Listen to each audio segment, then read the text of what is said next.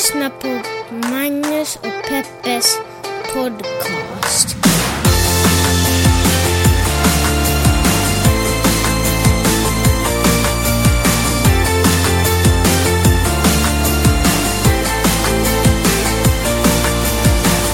Hallå internet! Gud vad roligt att ni är där ute på bandbredden eh, och har tunat in till våra späda men ändå helt sakliga röster. Magnus Silvenius heter jag, eller Och- förlåt, Magnus Silvenius Öhman heter jag. Snygg början Magnus, bra intro. Peppe Öhman heter jag. Det stämmer. Och podden heter Magnus och Peppes podcast. En underbar liten podcast där vi pratar om saker och ting som händer runt omkring er i världen. Och så gör vi det ur ett feministiskt och journalistiskt och mediegranskande perspektiv. Berätta Peppe, eh, vad är det största som har hänt dig under veckan? Jag varit på pingisturnering. Pingis? Nej, vadå? Pingis? Så här med frågetecken som om jag inte Du visste vet det. exakt vad jag talar om. Ja, jag, hade, jag var ju nära att gå dit, men jag blev sjuk. Du vann ju förra året. Ja, kul att du tar upp det. Det stämmer. Din, din, eh, din bild fanns överallt i, typ, i rummet. Mm. Och folk var sådär, var är den där, var är den där Magnus som vann förra året? Men jag vann ju inte högsta divisionen, om vi Du säger så. B. Jag vann B, ja, B-ligan. men det är ändå någonting. Ja, det var det. För högsta divisionen var ju full av proffs. Det är alltså våra kompisar Per och Pernilla. Det slog mig först nu, Per och Pernilla, det är som Ah! två hittepånamn. Eller som de ska hitta på sig Ja, jag fattar. Och eh, som bjuder in ungefär eh, 50-60 stycken svenskar till en pingisturnering på The Standard i downtown Los Angeles. Och så spelar man minst tre matcher var och, eh, ja, och dricker alkohol och pratar med varandra och har det mysigt. För näst högst upp i det här eh, väldigt fina hotellet, måste man ändå säga, så har de en hel våning dedikerad till pingis. Med massvis med pingisbord och barer där för pingisspelande entusiaster. Och tar man hissen upp till taket finns det en liten pool och en jättestor takterrass med utsikt över downtowns skyskrapor. Otroligt mysigt. Och eftersom jag nyligen slukade åtta säsonger av Entourage så kan jag meddela att den, den takterrassen förekommer i åtminstone en scen i Entourage. Jaha. Vill du veta vilken scen? slukar verkligen. Alltså, Vill du du såg det på typ tre dagar, Vill du, veta vilken, säsonger. vill du veta vilken scen? Ja. Det är den scenen när Eric precis har haft en, eh, en threesome med sin tjej Sloane och Sloanes kompis. Mm. Och så vaknar han upp på morgonen och håller armen om kompisen. Det, och så får han sådär panik och ångest och bara shit det här var fel bla bla bla. bla. Och sen så kan han inte komma över det utan måste försöka träffa den här kompisen och bara snacka om Mm. det, att det blev fel, att förlåt, eh, gud vad awkward. Och då träffar han henne, då är hon där uppe och solbadar på The Standards, vid Standards eh, takterrasspool. Detta är fantastiskt, Ja, Magnus. det är, det är så... så... bra anekdot. Men alltså, det är ju en av de här små sakerna som gör det så otroligt magiskt att bo i Los Angeles, är ju att filmer och tv-serier som utspelas här får ju en annan, det blir ett annat djup i dem när man ser dem. Förstår du vad jag menar? Jag måste säga det, det är faktiskt sant. Det är därför det är skitroligt att läsa böcker som utspelar sig i Stockholm och Mm. till exempel en av mina favorit ungdomsböcker, Tvillingdeckarna. Otroligt eh, roligt att de där gatorna liksom existerar. Magnus, du borde joina oss på mellan raderna någon gång och tala om dina bok... Prata om tvillingdeckarna. Ja. Klas och Göran. Vänta, vad fan heter de? Hördu, jag måste säga erkänna att jag var ganska osugen på att eh, spela pingis, nog på att gå på pingisturneringen. men Varför är du alltid så osugen på att göra Men- saker du inte är bra på? Exakt! Jag rannsakar mig själv, och Mm. det är ju verkligen bara det det handlar om. Jag är osugen på att göra saker jag inte är bäst på, eller åtminstone som jag inte är bra Och på. ändå så har vi sex med jämna mellanrum. Men du å andra sidan, du är ju rätt osugen på att ha det, så det, nu förstår jag. Nej, Nu, helt plötsligt, alla bitar faller på plats. Kan vi klippa Berätt- bort det där? Det var ju helt onödigt. Berätta mer om pingisgrejen då. Men, men eh, så började jag ju spela och så vann jag en snubbe. Herregud så Du tillfredsställande vann det en snubbe, du blev så exalterad så du kunde inte ens säga att du vann över honom. Men ja, Vadå vann över honom? man vinner Tror- över någon. Man kan säga att jag vann honom. Ah, Okej, jag Fan. vann honom i en Ja. pingismatch. Men, eh, men var det stort att det just var en snubbe du vann om? Inte det för kändes att... lite extra stort faktiskt. Okej, det för att kändes snubbar som snubb- generellt är bättre, eller vadå? Nej, för, då, för snubb, snubbarna tar det på lite allvar. Ja. För dem är det vanligtvis viktigare att vinna för, än för kvinnorna. Ja. Det är alltid snubbar som smashar. Ja, visst är det det? Alltså så. Sen, sen spelar jag, du kommer tycka det här är supertändigt, sen spelar jag mot Linus också. Som... Vilken Linus? Lin, men jag måste säga, det, så- sen slog det mig när vi spelade, Linus hade vunnit en Oscar. Det hade jag inte tänkt mig för några år sedan, att jag skulle spela pingis, en pingismatch Alltså, mot någon som har vunnit en Oscar. Vi försöker vara avslappnade med att men vi tar ju upp det var fjärde podcast om Men, att han har äh, Oscar. Det är ju jäkligt faktiskt coolt stort, det är ändå. jävligt coolt. Men han vann mig. Men i alla fall... Jag tittade på den där första scenen eh, med, med en sån här director's cut-grej ungefär kan man säga. Den första scenen i La La Land, den här långa sekvensen. Ja. Det är ju magiskt alltså. Det är ju så magiskt. till och med du tycker att han är duktig. Ja men alltså jag är ju eh, sjukt starstruck. Jag försöker vara jättecool och avslappnad. Men jag är ju eh, helt tagen av att han är en kunglighet. Ja. Men eh, nu känner jag i alla fall... Men vann du över Linus? Nej, han vann mig. Smashade han? Nej, han var faktiskt ganska snäll. Okej. Han var verkligen sådär. Alltså dålig? Nej, han var bra. Han var sådär, han, var- han var så medelbra liksom bland, bland snubbarna.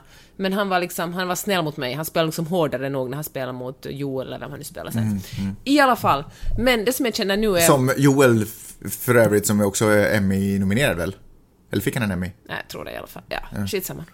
Och... eh, förlåt. Förlåt att jag namedroppar, men det är ju så fantastiskt roligt att Ja, ja. vara bland de här människorna som Sluta, gör... Magnus, slappna av lite nu snart. Nej men bara som gör fantastiska saker. Jag tycker Ja. det är så sjukt eh, coolt. Vi gör bara ingenting. Vi gör, vi gör en liten podcast. Nej, alltså jag har ju inte vunnit. En gång så fick jag ett pris på Yle för att jag gjorde morgonshow, hade gjort det typ tillräckligt länge och så fick jag ett... Du fick den där, den där klockan man har fått när man jobbar 50 Fuck år på jag har inte fått företaget. någon klocka Men sluta larva. Okej, jag fick, de hade printat ut ett papper. jag fick Där det ett... stod du var duktig. Jag fick sådär, Svenska Yles bästa morgonshow ungefär. Det var typ den enda. För att avsluta den här jättelånga inledningen vill jag bara säga att nu ska jag börja träna pingis. Jag känner att jag vill träna det riktigt, jag vill skaffa en personal trainer och när jag kommer på turneringen nästa gång ska jag fan ge stryk åt samtliga Är där. det sant? Ja.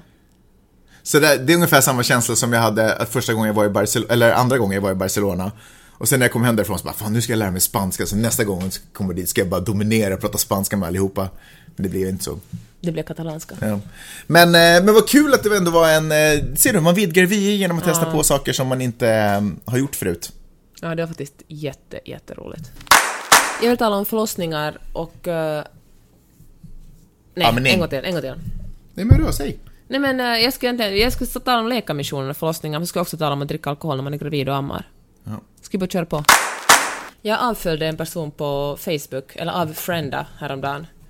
För att det är en sån person som jag har, som har liksom hemligt eh, misogyna kommentarer hela tiden. Och som det inte heller går att diskutera med, för att om man svarar honom någonting, det är en han, så, så tar han det som ett personligt påhopp. Och eh, det går, liksom inte, det går liksom inte att diskutera med honom för att han har bara bestämt sig att han har rätt i allting. Och han skrev någonting om att, eh, han delade en artikel där det stod att samhälle, att det är sexistiskt att samhälle eh, sätter regler för kvinnor som är gravida utan att de här reglerna har vetenskapliga bevis. Och han tyckte det här var löjligt, för han tyckte att det visst finns vetenskapliga bevis. Trots att det klart och tydligt stod i den här, den här eh, texten att det inte finns, liksom man vet ganska lite fortfarande om, om, eh, om graviditet. Man vet mycket på ett sätt men lite på ett annat sätt. Det, liksom, det verkar gå liksom...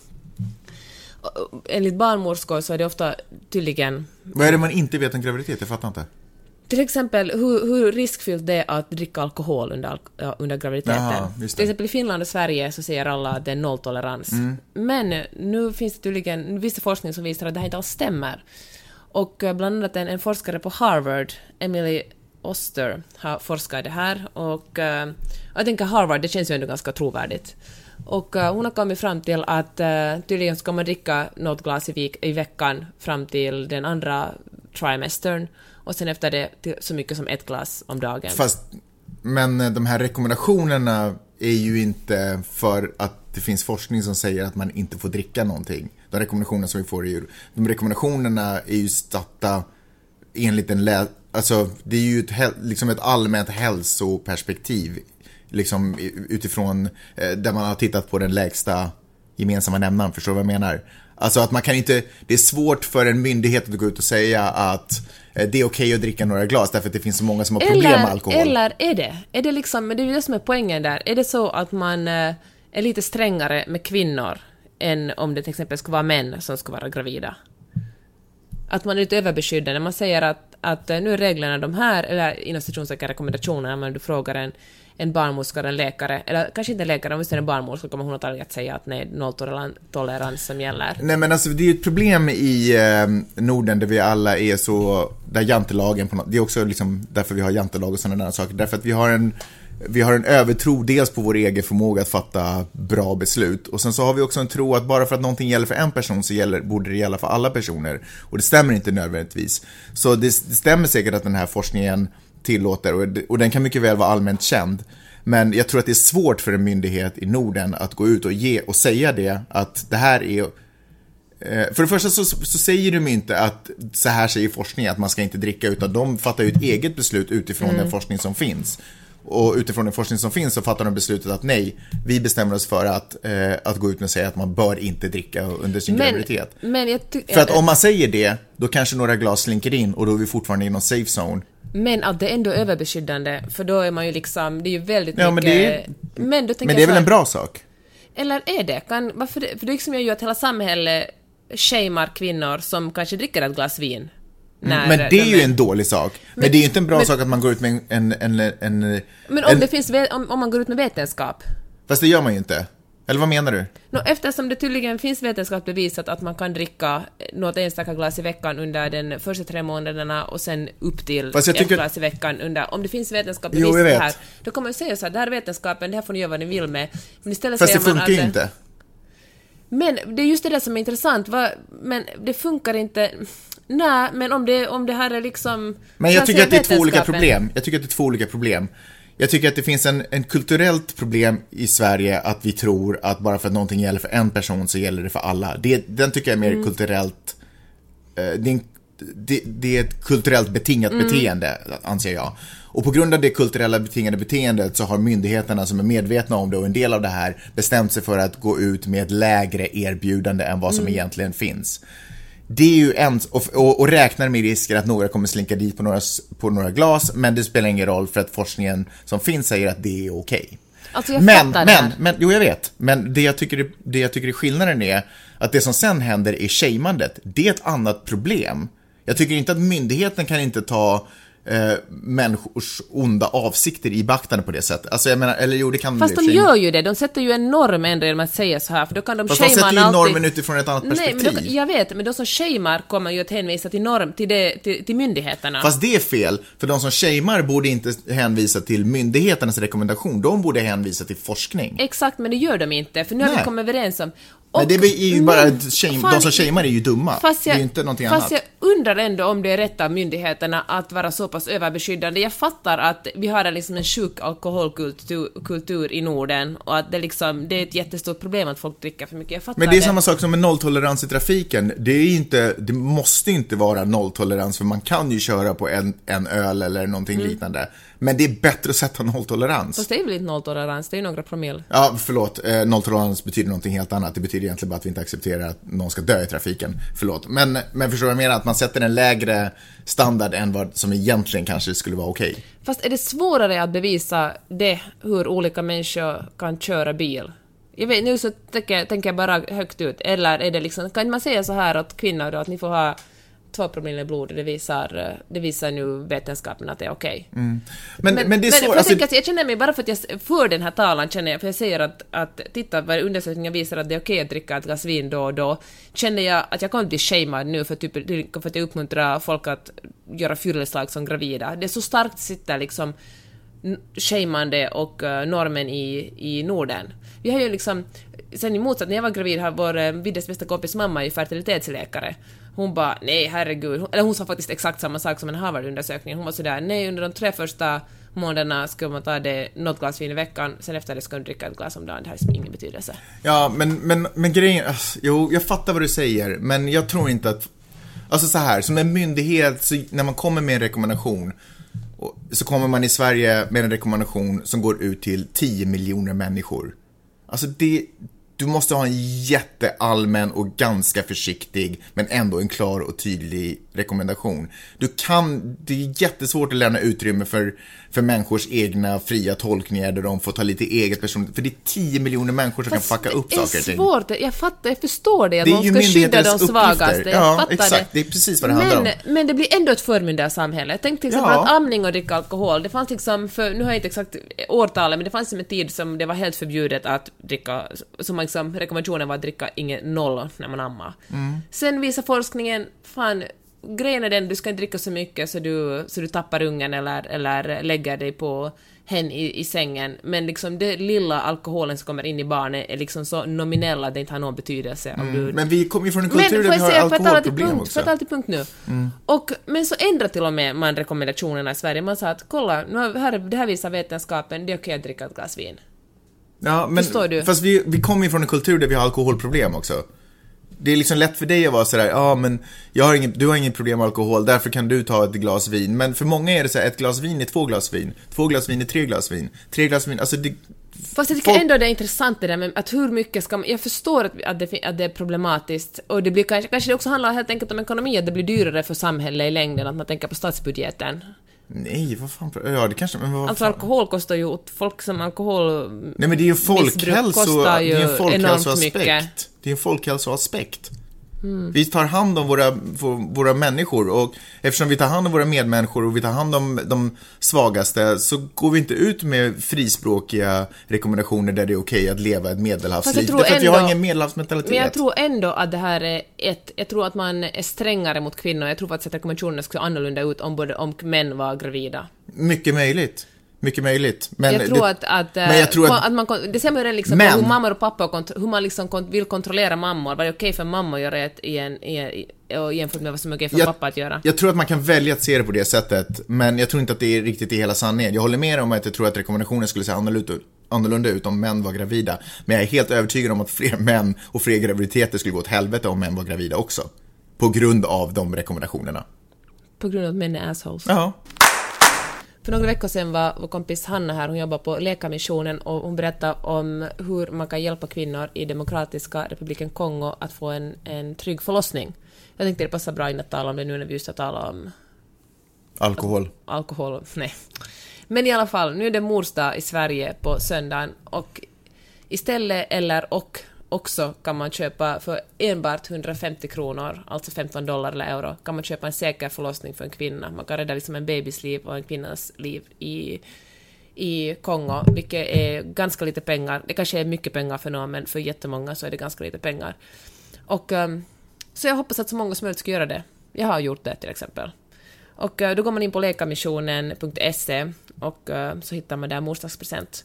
Man kan, eh, om man bor i Sverige kan man swisha eller smsa och bor man i Finland kan man köpa ett, ett presentkort. Och sen när man ger sin mamma en present så kan man kanske säga hej mamma i ditt namn har jag också köpt en säker förlossning åt en kvinna. Det är ju otroligt fint. Nu ska vi snacka om en eh, dokumentär-tv-serie på Netflix som heter The Keeper. Eh, Jag och Peppe har tittat på den. Peppe, vad tycker du om den The serien? Keepers. The Keepers, förlåt. Som egentligen en, det, kommer ni ihåg den här Making a Murderer? Eh, Det är samma stil.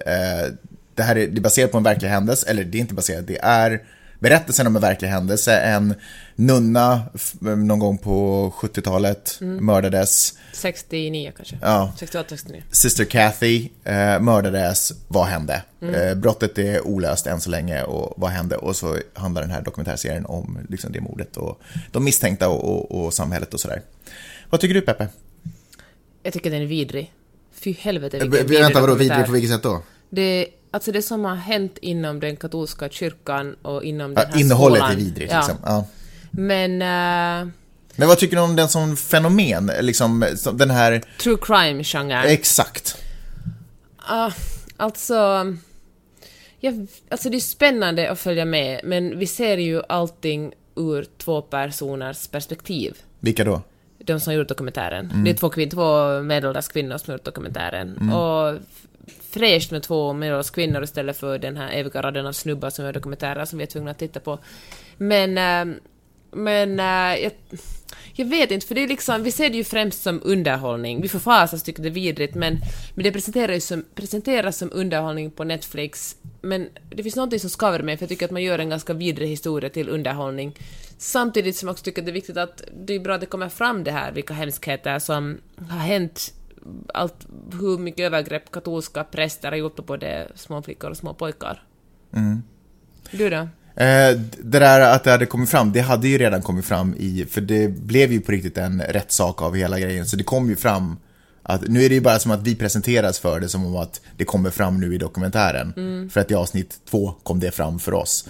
Det som jag tycker det är eh, svårt med det här, är ju att det är, precis som du säger, underhållning på en, en riktig händelse. Men det som det det tycker visar är just den här tidens anda av hur eh, fakta egentligen är underordnad mina egna personliga åsikter kring någonting. För det vi egentligen får följa är ju nu... Så fallt är det att allt var så mycket bättre förr. Jag tror inte på det. Nej, men jag, jag menar inte det på det sättet, men jag bara menar att det som vi har pratat om tidigare, att fakta är underordnat mm. jag tycker. Mm. Förstår du vad jag menar? Jag har en känsla av att någonting på ett sätt, därför så är det inte så intressant vilken fakta som finns, utan därför går jag hellre på vad jag i, min, i mitt hjärta känner är rätt. Fast det har ju dokumentärmakare gjort genom alla tider, plocka mer eller mindre medvetet plocka till sig de fakta som passar in i i liksom den dramakur, dramaturgiska kurvan i en dokumentär. Mm, men det jag tycker kanske ändå är lite skillnaden är att dokumentärmakare har varit ett folk som har velat presentera en objekt... Det där är rasistiskt. har varit ett folk som har velat presentera, dokumentärer generellt, om man tittar på dokumentärfilmer och sådana mm. saker, så är det ju nog en, eh, en människa som beskriver hur den ser på saker och ting, det är det. Men, men, eh, men ofta så öppnar den ju, oh, fan. Men tänk ja. på de här natur och djurdokumentärerna, David Attenborough, alltså de är ju super eh, stylade. Mm. Det är ju på riktigt inte så att allt, det bara råkar sig att eh, eh, Ser du inte att de kanske släpper ut en zebra och ett lejon samtidigt på savannen, men inte långt ifrån? Ja. Ja, kanske.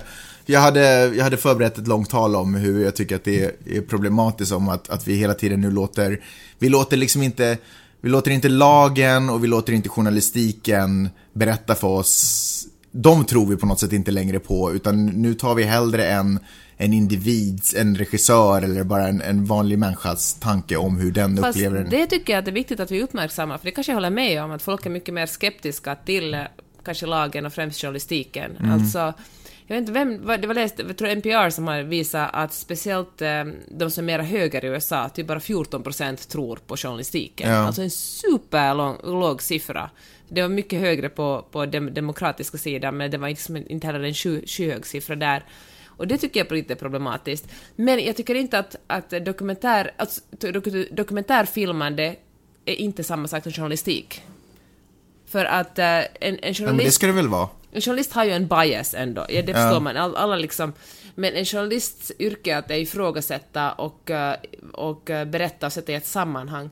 Jag tror det blir mycket svårare i formatet film eftersom som sagt så är man tvungen att följa... Man har en ganska... Man har en begränsad ett begränsat utrymme på sig och man ska följa en drama, dramaturgisk kurva. Det ska liksom man, det finns liksom ett, du vet den där valen som man ritar om talar mm. om dramaturgisk kurva, det måste finnas något sånt för att läsaren ska orka hållas med och då är man tvungen att... Jag, vet, jag säger inte att man är tvungen att, att uh, justera sanningar, men, uh, men jag tror det blir lättare så att man gör det för att, för, för att göra det till en historia. All journalistik är ju inte en historia, men all dokumentär är en historia. Mm. Ja, men jag, jag tänker nog ändå att, att göra dokumentär är ett journalistiskt uppdrag, nog. Ja, det tycker jag inte. Jag tycker liksom... Tycker du inte? Nej. Du dokumenterar det... ju någonting, det är väl det som journalister gör? Nej, vem som helst på Twitter kan ju dokumentera någonting och ta en bild någonstans ifrån och säga... Jo, jag vet, men jag säger inte att alla är lämpade, men därför är inte alla lämpade att göra dokumentärer. Det finns ju säkert journalister som gör dokumentärer, men som sagt tycker jag inte heller jag tycker att journalister ska vara människor som har, lä, har liksom studerat journalistik, som förstår det journalistiska uppdraget. Så är det ju inte alltid i Finland till exempel, och kanske inte alltid i USA heller. Men bara för att man gör en dokumentär betyder det inte automatiskt att man är en, journalist. Mm. Om en journalist gör en dokumentär, det är säkert en, en kanske mer ur ett, mer journal, kanske mer eh, journalistiskt, det är nog det bästa ordet jag kommer på. Men vem som helst som gör en dokumentär betyder inte att det är ett, ett journalistiskt arbete. Jag har i alla fall svårt att på något sätt ta till mig, att ta den seriöst därför att den är så otroligt eh, vinklad. Och med, med det säger jag att jag inte tror på det som dokumentären presenterar. Men, men samtidigt känner jag också att det är ett problem därför att det här är, allting som den här presenterar är fakta som jag kan ta reda på själv. Jag, jag, jag kan, om jag är intresserad av det här fallet så kan jag läsa på om fallet och få all fakta. Men istället för att gå ner till botten själv så tillåter jag mig själv att strunta i att läsa på om det här själv utan tillåter mig att förföras av eh, historieberättarnas eh, berättelse. Och, och jag tycker att det, det, det, det, är, det är någonting som gnager där i mig, därför att det tar bort min eget oberoende. Förstår du vad jag menar? Jag väljer att se det här som en historia. Och jag tycker att det är så många gånger i när politiker eller överhuvudtaget folk som har ett budskap är att eh, jag, jag väljer att förföras av deras historia fast fakta finns. Fast all information finns där för mig att bara ta reda på det. Men istället så väljer jag för att det är en mysigare väg Fast att du gå. har ju inte möjlighet att ta reda på allting själv. Ja, men ganska mycket om man läser, alltså jag började googla det här fallet, så då stod ju alltihopa, de här rättegångarna har gjorts, allt det här har kommit fram där, bla bla bla bla bla. Det är ju förmodligen så som de har fått reda på vilka de ska prata med och, och, och sådär i, i den här dokumentären. Fast de har ju gått lite längre och verkligen kontaktat de personerna och pratat med dem. Jo, jag vet, dem. alltså, de, men de visualiserar ju det här. De, de, jo, jo, vi får ju möta alla de här personerna. Det är ju förstås en annan sak än att läsa eh, rättegångsrapporter och sådana saker, eller vad det nu heter. Men, eh, men informationen om vad som har hänt finns redan där. Den är inte ny, den som presenteras. Det är inte, det är inte ett scoop i den här eh, i den här serien. Lite på samma sätt som i The Serial, den här första säsongen. Det var liksom, det var inte, det var bara Allting fanns där, det var ingenting nytt som egentligen kom fram. De, alla, när de sprang ut i skogen och mätte avstånd, det var allt, allt det här var liksom fakta och information. Så hade jag varit på riktigt intresserad av det här fallet så hade jag kunnat läsa på om allt det här själv och veta vad, ungefär var vi stod. Men man tillåter sig istället förföras av någon annan människas berättelser. Och jag tycker att det är liksom, det gnager i mig därför att de är så otroligt skickligt gjorda. Men är inte en bra sak alltså? För du, Nej, jag du- tycker du inte att det är en bra sak. Du skulle aldrig ens ha hört om det här fallet om du inte skulle ha sett den här dokumentären. Ja men helt ärligt, det här fallet från och till, det ger ju inte mig, det är ytterligare bara en Det är en sorts underhållning Ja, för dig. det är, precis. Det, det, det kommer inte påverka mitt Men- liv. Det är ju fruktansvärt, men, det är Men- ytterligare bara ett Nu nämnde mynt ju. Making a Murderer i början. Den Ja. här, där hade ju hänt saker, till exempel den här eh, den här eh, sonen som, eh, jag kommer inte ihåg alla detaljer, men det var en... Han det som var lite långsam. Mm. Han som var lite slow, som hamnade i fängelse för att han gick med på att erkänna. Han blev liksom bullied in att erkänna någonting. Hans, eh, hans, han, det har ju tagit, hans mål har ju tagits upp på nytt. Ja, men han fick ju avslag på det. Han stannade ju kvar i fängelset. Är det så? Det visste ja. jag faktiskt inte. Men kanske det blir... Men jag menar att eh, tekniskt sett kunde, kunde det ha hjälpt honom att de gjorde den dokumentären. Att den uppmärksammades. Ja, tekniskt sett också. Men där kan jag också känna att okej, nu har den kanske den lilla informationen snappats upp. Men där tycker jag också att det här är ju inte, vi bryr oss egentligen inte om de här fallen. För när de är över, när den här serien är över, då bara okej, så går vi vidare och så tittar vi på någonting annat. Men kanske Det någon här- bryr sig om det här. Fast jag vet inte, jag tycker inte att det är... Det här är inte så, det är inte så här man ska behandla eh, människors liv och öden och eh, rättsfall och saker som är riktiga liksom. Det här är, det här är mer besläktat med eh, tv-serier som Lost, mysterier som man bara, åh hur ska det gå? Det är liksom inte... Nej, men jag förstår här att man finns- liksom på nöje... Ja, För här finns faktan. Det är inte så här hur kommer det gå eller vad som ska hända, utan det här är bara ett förföriskt sätt att presentera en persons syn på faktan. Och Jag tycker inte att det är liksom, det är inte schysst. Mm. Men på vilket sätt är Lost bättre då? Det är ju också, det är ju fiktion, det är ju... det är bättre därför att det är inte baserat på verklig händelse. Det är Du menar bara, att man, är, man liksom utnyttjar... den är ärlig med underhållningen. här är den inte ärlig med underhållningen, utan här presenteras den så skickligt så vi tror att vi, vi, vi förförs att, att vi tittar på någonting som är riktigt, men det är inte liksom helt riktigt. Mm. Förstår du vad jag menar? Ja, lite, men... eh, Ja, ja. Jag tycker inte att det är ett skit, därför att det lämnar, jag tycker att, jag tror att det påverkar oss på ett sånt sätt att det lämnar, det lär oss att, att eh, jag vet bättre själv, tycker jag. Det lär mig inte att ta reda på fakta själv, gå, gå till botten med vad det är som egentligen har hänt och bilda din egen uppfattning, utan det här lär mig att jag vet bättre själv om jag går lite på känsla. Det här verkar skumt, då går jag dit. Det här verkar skumt, Nej, men det, då går jag dit. det skulle du ju aldrig göra annars. Hur menar du? Du skulle aldrig börja forska i ett fall. Nej, men det handlar inte bara om fall, det handlar ju om all information som, som presenteras för oss. Det här är ju bara ett exempel på hur en människa har eh, tagit till sig bra. information och byggt en historia kring det. känner jag att jag måste försvara den här, men tänk om det bara är bra att man får veta, tänk så här vidrigt var det i katolska kyrkan, tänk vilken otroligt makt, mycket makt de här prästerna hade. Det är inte och ny hade fortfarande. för oss. Nej men kanske det krävs att vi påminns om det och granskar noggrant. Kanske folk som har sina barn i en katolsk skola är sådär att herregud, jag drar, jag, vi måste granska det här, jag måste tala mer med mina barn om om deras rätt till sina kroppar och, och eh, kanske det har liksom en, en eh, kanske det påverkar samhället på något sätt. Ja, kanske. Så det som Making a Murderer tyckte jag att, att det som jag tog med mig var kanske inte så mycket detaljer från det fallet, men hur det handlar om hur, eh, hur man i USA, om man är fattig så har man verkligen ingen rättstrygghet. Men jämför man med Joe Jinx eller till och med O.J. Simpson, har man massa pengar så kan man göra praktiskt taget vad som helst. Det är liksom, jag kanske tagit med mig, det är den lärdomen jag har tagit med dem än detaljer ur deras fall. Förstår du? Mm. Förutom O.J. Simpson, där kommer jag ihåg många detaljer. Ja, så du, så du är för, du, du tycker att det är helt okej med den här true crime-grejen?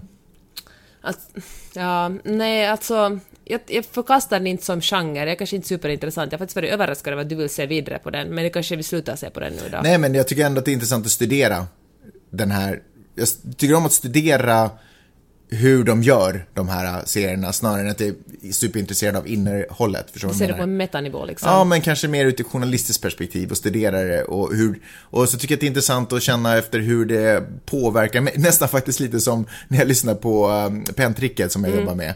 Eh, den här väldigt feministiska podden med Cissi Wallin och Natasha Blomberg. Eh, så, um, så jag tycker att det är, den kanske inte innehållsmässigt, eller sådär, jag får inte nya insikter kanske alltid. Men, men jag tycker om att studera vad, vad den får mig att, ah, hur ska Känna. Skäms du? Eller eh, skäms du som representant av det manliga släktet? Eh, Nej, Eller får du en känsla av att ropa inte alla män? Nej men kanske studera lite mätta grejer. Till exempel att om jag reagerar på någonting som någon säger så blir jag mer intresserad av vad det var som fick mig att reagera snarare än att försöka analysera det de, just det de sa. utan mer sådär, Mm, varför reagerar jag på det här? Reagerade jag på det här därför att det här hände? Och samma sak när jag tittar på The Keeper. Varför reagerar jag nu så här? Var det för att eh, det var någon, eh, någon fakta som kom fram där som var helt, eller var det för att det var musik? Där just nu som påverkade mig? Eller var det för att bildsättningen där i kombination med musik fick mig att vara sådär, ah. Eller var det för att eh, ehm, Men då kan den ju inte vara supervälgjord om du, om, om, dina, om du liksom inte rycks med i den historien, utan tvärtom så vandrar dina tankar iväg och du börjar analysera den liksom. Men jag tycker att det är viktigt att man, för det är så lätt, alla de här tricksen är så otroligt väl utarbetade och genomtänkta för hur vi ska ryckas med. Så det är liksom inte, de måste, man måste reagera på dem. Det är därför det är ju spännande att titta på skräckfilmer, därför att det finns så mycket runt omkring det vi ser som gör att vi rycks med och det blir vet jag ingenting skrämda. om, jag kollar inte på sånt shit. Nej, men alla de här tricksen är ju liksom väl Mm. uttänkta och då tycker jag att då finns det anledning, speciellt när det kommer till saker som ändå handlar om fakta. Det är en annan sak med underhållning, då sitter jag inte och tänker på det. Då kan man ju bara ryckas med, Mm. det är därför man utsätter sig för det. Men när det kommer till fakta som presenteras för mig, som jag ska köpa, förväntas köpa, liksom, med hull och hår, då tycker jag att det är viktigt att jag att det verkligen är faktan som jag köper och inte ljudsättningen eller bildsättningen till den. För, då, för allt det är kosmetika, kosmetiska, eh, kosmetika som är där för att eh, påverka mig och hjälpa mig bli övertygad. Och är det extra mycket bildsättning som är sådär wow, vad hände här? Eller tillsammans med dramatisk musik, då är det ju någonting, om man har behövt dra på så fullt på det, så då, är det så att faktan inte håller där då? eller är det någonting intressant. annat som skevar? Eller är det bara liksom en bra kombination? Förresten, visst är det intressant att, eh, på tal om journalistik och underhållning, att vi är beredda att betala för underhållning. Det är självklart. Man betalar för Spotify, man betalar för Netflix, eh, Hulu, HBO Och den här podden. och den här podden. Men inte för journalistik. Men det tror jag kommer ändras ganska snart. Jag tror att vi kommer ganska snart förstå att den journalistik vi betalar för är den. För det kommer vara svårt för de här extremhögertjänsterna att börja ta betalt för, sin, för sin information.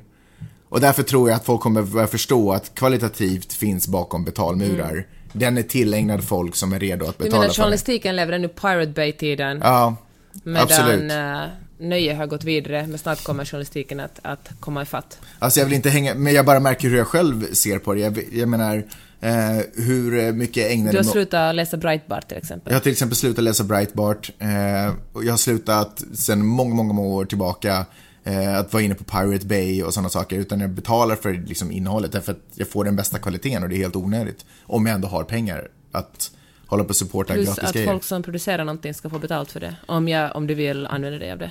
Ehm, ja, i vissa fall så är det det det handlar om. Men för det mesta så är det egentligen bara att jag får bättre kvalitet om jag betalar för det. Hej! Har du frågor och kommentarer så kan du mejla min mamma och pappa på Magnus och Peppe snabela gmail.com.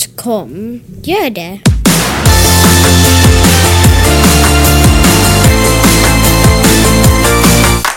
Precis, Magnus och gmail.com är e-mailadressen ni ska använda om ni känner att ni har frågor, kommentarer, synpunkter ris, ros och eh, vad mer skulle man kunna tänka sig? Eh, ah, skitsamma. Och sen så glöm inte också bort att gå in och betala för det här som ni lyssnar på. Precis som vi pratade om tidigare så är det bara när man betalar som man kan, som de producenterna kan upprätthålla kvalitet, eh, ens till någon mån. Eh, betala gör ni enklast genom att gå in på janetohman.com, titta i högerbalken, lokaliserar två Paypal-symboler. Den ena Paypal-symbolen ger er möjlighet att betala per avsnitt, 86 cent. Eh, och den andra, och då pratar jag om eurocent. Eh, och den andra Paypal-symbolen ger er möjlighet att prenumerera för en ringa summa på 2,80 euro. Så eh, gör det! Och, och, om ni inte, just det, det brukar jag också säga, att om det är så att ni bor hemma hos mamma och pappa och inte har råd, eh, så då betalar ni genom att sprida ordet, gå in och ge oss recension på iTunes, hjälper oss att jobba lite med eh, dem att lyfta upp oss och sådär. Eh, skriv recension på iTunes, sprid ordet på sociala medier och eh, säg vänliga ord. Tack ska ni ha. Tack. Jessica Stoltzman är journalist på YLE, bra journalist. Och eh, Usch, tänkte jag måste påpeka det där. Det finns alltså jättemånga bra journalister på, på YLE. Och hon har skrivit ett reportage om att uh, hon har en uh, städerska från Filippinerna, Rose, som uh, har en sexåring och en treåring och en äkta man Så hon har alltså gett... Eh, på Filippinerna. Den filippinska städerskan har alltså tagit ett engelskt namn. Det är väl inte helt ovanligt. Konstigt. Ah, okej. Och och så skriver hon om att uh, hennes uh, tudelade, Jessica Stoltzman alltså skriver om sina tudelade känslor, för hon har också små barn, och så plockar den här Rose legobitar hemma Jessica Stoltzmans uh, barns lekrum medan hon gråter och längtar efter sina egna barn på Filippinerna. Ja. Och eftersom det ekonomiska läget är som det är på Filippinerna skulle hon inte ha råd att, liksom familjen skulle kanske till och med svälta om inte Rose skulle åka till andra sidan jordklotet och plocka lego och städa i, i lite rikare familjers hem. Mm. Och, eh, och så åker Stoltzman själv till eh, Filippinerna. Jag utgår från att hon åker på en reportageresa dit för någon annan Så grej. stod det i texten i alla fall. Och, eh, och så passar hon på att träffa liksom Roseman, Glenn Mm. och, och barnen. Och, och så, får, så skypar de allihop från Filippinerna till Rose som är hemma i Finland. Och, och, och så handlar det lite om det att det, liksom, det ekonomiska läget är så dåligt i Filippinerna och därför är liksom Filippinernas största exportprodukt människor. Folk åker runt i världen och jobbar som låglönearbeten och skickar hem pengar och det är så som samhället går runt. Och, eh, och jag vet inte riktigt vad jag ska tycka om det här. Men min spontana tanke är det att eh, om man, hon får alltså ungefär 10-11 euro i timmen för att städa den här Rose. Att eh, man är liksom, nu talar jag alltså inte om, om Stoltzman som, som individ, men man är liksom inte en god människa. Liksom, man gör inte välgörenhet om man anställer en städerska. Man måste, man måste säga det så här att det gör man för sig själv. Man gör det inte för att man, det är liksom inte välgörenhet. Om någon får 10 eller euro, euro i timmen för att städa ens hem, då är det inte det minsta välgörenhet. Jag tänker att om man verkligen eh, bryr sig om att, eh, att eh, den här personen ska skicka hem pengar till Filippinerna eller vilket land hen nu kommer ifrån, då ska man nog betala mycket mer. Fast, fast vänta nu här, välgörenhet är det förstås inte därför välgörenhet är väl att man ger pengar och inte får någonting tillbaka. Ja. Man, bara, man ger bara pengar till någon, det är väl välgörenhet. Eller att man, gör in en, man lägger in en arbetssats men man tar inte, tar inte betalt Ja. för det. Det är väl välgörenhet. Så Men- självklart är det inte välgörenhet, men det kan ju ändå vara en bra deal för båda. Men jag fick en bra, men det är nog, alltså det är nog en jättemycket bättre deal för den som har en städare. Nu, nu tror jag att de som liksom, den här eh, Rose jobbar för en, en större städfirma, så det kostar säkert mer för den familjen som tar den här städaren och så tar städfirman någonting emellan och så får Rose sin lön. Men oberoende är det nog en, jag tror att det är Fast få vänta. finländare som skulle jobba för 10-11 euro Fast det är en annan sak, för att finländare lever ju på en helt annan ekonomisk standard. Men, varför ska man inte kunna behandla, varför liksom ska man behandla en filippinare på ett annat sätt då? Eh, Vad är det för äckligt fast- tanke? fast för de vänta. liksom, de, för bara för att de gör jobbet för billigare. Fast vänta nu här, du, för det första sa du att det är en bättre deal för eh, journalisten än det är för Rose. Nej, utan i allmänhet folk som har städhjälp. Ja, men om vi tar de här som ett case, Ja. för det, hon har ju ändå presenterat sig själv som ett case här. Eh, så det, det journalist, vad heter hon, Johanna? Nej? Uh, Jessica Ja, Saltzman. ja, det Jessica får är ett rent hem och det Rose får är barn som går i skola. Vem har en bättre deal egentligen? No, Rose får ju inte se sina barn växa upp. Alltså, det är ju en ganska stor del att liksom träffa sina barn, sin treåring, sin sexåring, Ja. bara en gång om året. Fast det är ju inte konstigt att människor åker iväg eh, för att jobba för att kunna försörja familj hemma. Det gjorde ju vi i Sverige och Finland också för hundra år sedan. Åkte till USA och jobbade, skickade hem pengar. För att barnen och eh, familjen skulle få ett bättre liv hemma. Men så du tycker att det är ett okej system Nej men jag tänker att det är inte onaturligt och det är inte konstigt. Alltså jag tycker att det är onaturligt att inte få se sina barn växa upp. Nu sku, hur Jo, hur vet. ledsen skulle du vara? Vi talar ju om du har fått ett jobberbjudande och jobbat två månader i Stockholm i höst, men du skulle inte kunna tänka dig vara ifrån mig och dina barn så länge. Jo, absolut. Men om vi hade varit i ett annat ekonom, en annan ekonomisk situation så hade jag kanske över, Men det som jag övervägt att göra tänker, det. nej men jag tycker det finns någon slags äh, nå, rasism är ett alldeles för starkt ord, men jag tänker att de, det är nu filippinare, de är vana vid det här, så deras kultur är sån att de kan vara ifrån sina barn och, och vi, vi, Ja, vi fast det vi, tror jag inte men vi att betalar, tänker. vi betalar dem så här lite för att de gör det här jobbet för så här lite. Tänk om hon skulle få dubbelt så mycket betalt och eh, kanske hon inte skulle behöva vara så länge i Finland. Ja, kanske men hon skulle andra vara ett år, ett år mindre i Finland i Men så med fall. dubbelt så mycket betalt så skulle hon inte ha, så skulle kanske inte Jessica ha råd att ha henne där. Därför att hon har massa andra utgifter också. Men- och då skulle den här filippinska tjejen Rose inte ha något jobb där. Men det är just det att om man, om man inte har råd att ha en städerska ska man kanske Fast inte man ha har en ju städerska. råd att ha en städerska. Ja, men då måste man ju tänka på att man betalar jävligt lite åt en person. Jag måste säga att den här eh, Rose bor ju säkert, hon har ju, alltså hon lever ju säkert så otroligt knapert. Hon Ja. delar säkert lägenhet med en massa andra. Och du kan säga, ja fan jag accepterar det, så här, är, så här ser världsekonomin ut, det är nu bara så.